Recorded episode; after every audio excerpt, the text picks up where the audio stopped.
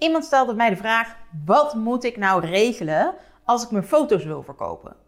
En dan gaat het niet alleen om haar eigen auteursrecht, maar juist ook andere dingen die op de foto te zien zijn. Nou, prima, dat kan ik uitleggen. Charlotte, de social media jurist van Nederland. Wat moet je nou regelen als je je foto's wil verkopen? Allereerst moet ik misschien even uitleggen wanneer je een foto nou daadwerkelijk verkoopt. Juridisch gezien bestaat dat namelijk eigenlijk niet. Er zijn twee vormen. Je kunt een licentie geven, dat is een gebruiksrecht. Nou, dat zou je misschien meer kunnen vergelijken met een soort huur of zo. En je kunt het hebben over de overdracht van het auteursrecht. Dat zou dan wat meer lijken op koop. Maar dat betekent dus dat je je eigen auteursrecht verliest. Net zoals ik nu, uh, nou, mijn pen zo aan jou zou verkopen, dan heb ik mijn pen niet meer. Dat is natuurlijk het lastige van digitale foto's. Daar kun je er gewoon meerdere van hebben.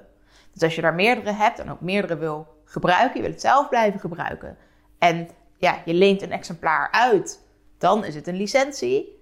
Maar is het echt een exemplaar dat je aan iemand verkoopt, dat je hem zelf helemaal niet meer hebt, geen enkele versie er meer van, dan is het een overdracht van auteursrecht. Nou, voor die licentie, dat kun je in principe mondeling afspreken. Alhoewel ik zou zeggen, zet dat ook op schrift om gewoon heel duidelijk de grenzen aan te kunnen geven.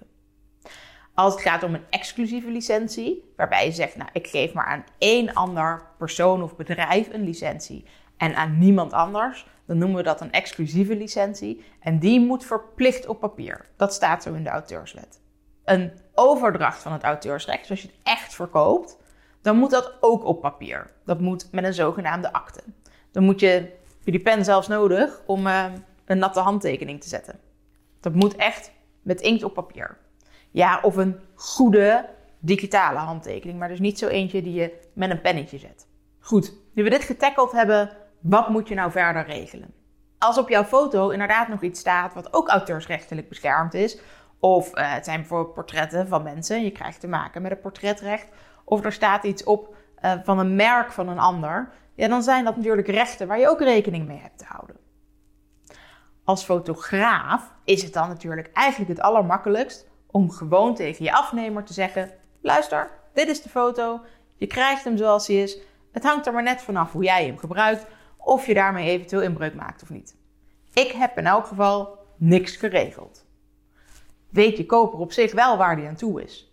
Wel belangrijk om het even op papier te zetten, zodat je koper of uh, je huurder, hè, als we het over een, een licentie hebben, je licentienemer, dat die dan in elk geval wel weet waar die aan toe is en niet later bij jou erop terug kan komen. Dus van ja, maar ik mag toch verwachten dat als ik van jou een foto krijg, dat ik dit soort gedoe dan allemaal niet kan krijgen.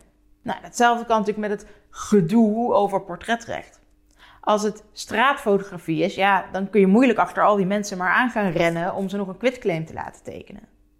Maar is het wat meer modelfotografie of hè, ben je echt ergens specifiek naartoe gegaan, heb je die mensen gesproken, had je het wel kunnen laten tekenen, dan is het niet voldoende om maar te zeggen er is een quitclaim getekend.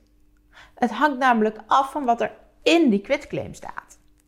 Het allerbeste zou dus zijn om goed te verzinnen waar je voor denkt dat die eh, portretten gebruikt kunnen worden.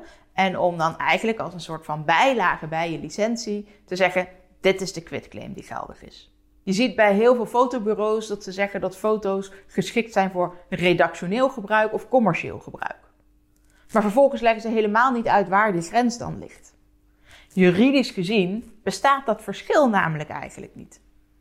Dus het is heel belangrijk om uit te leggen wat volgens jou dan het verschil is. Want een krant, ja, daar kun je van zeggen dat is redactioneel. Maar een krant is wel gewoon een bedrijf dat winst maakt. Is dat dan niet altijd commercieel? Zou je, als het om tv gaat, nog verschil zijn of het een publieke omroep is of een commerciële omroep? Ja, als het allebei bijvoorbeeld het journaal ten opzichte van het nieuws, hetzelfde doel. Een uh, spelletjesprogramma heeft bij de publieke omroep ook hetzelfde doel als bij de commerciële omroep. Goed, misschien moet je daar dus even over nadenken. Probeer zelf dat te omschrijven hoe jij vindt dat jouw foto's gebruikt mogen worden. En leg dus vooral ook uit of je iets wel of niet geregeld hebt. Dus hoe dat portretrecht in elkaar zit, welke afspraken je dan met de geportretteerde gemaakt hebt. Als je iets gefotografeerd hebt waar auteursrecht op rust, of je dan met die maker daar nog afspraken over hebt gemaakt of niet. Um, want soms moet dat nou eenmaal. Als het werken in openbare plaatsen zijn, gebouwen bijvoorbeeld, daar rust uh, uiteraard wel auteursrecht op, maar daar hebben we een uitzondering voor. Als je het fotografeert zoals het zich daar bevindt. Net zoals met kunst die ergens permanent gebaseerd is. Maar ja, dat geldt dan weer niet voor graffiti bijvoorbeeld, of voor van die tijdelijke tentoonstellingen buiten.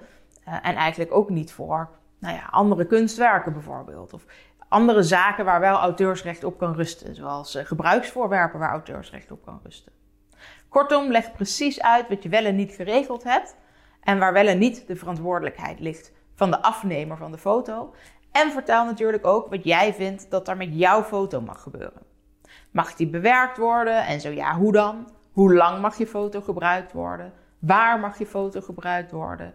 Mogen er sublicenties gegeven worden aan andere partijen om de foto te gebruiken? Als het om print gaat, wil je misschien iets afspreken over een oplage. Maar als het online gebruiken is, wil je het misschien vooral in tijdsduur beperken. Nou, zo is eigenlijk een heel lijstje van zaken waar je over na zou kunnen denken. Hoe dan ook, zorg vooral dat je jezelf zo goed mogelijk indekt en het daarom eigenlijk maar zo streng mogelijk op papier zet. Want hoe soepeler je het op papier zet, hoe meer risico je loopt. Mocht je nou hulp nodig hebben bij het opstellen van zo'n licentie of bij een akte van overdracht, als je dus echt je foto wil verkopen, bel of mail ons dan, dan maken we een afspraak en gaan we samen je licentie of je akte van overdracht opstellen.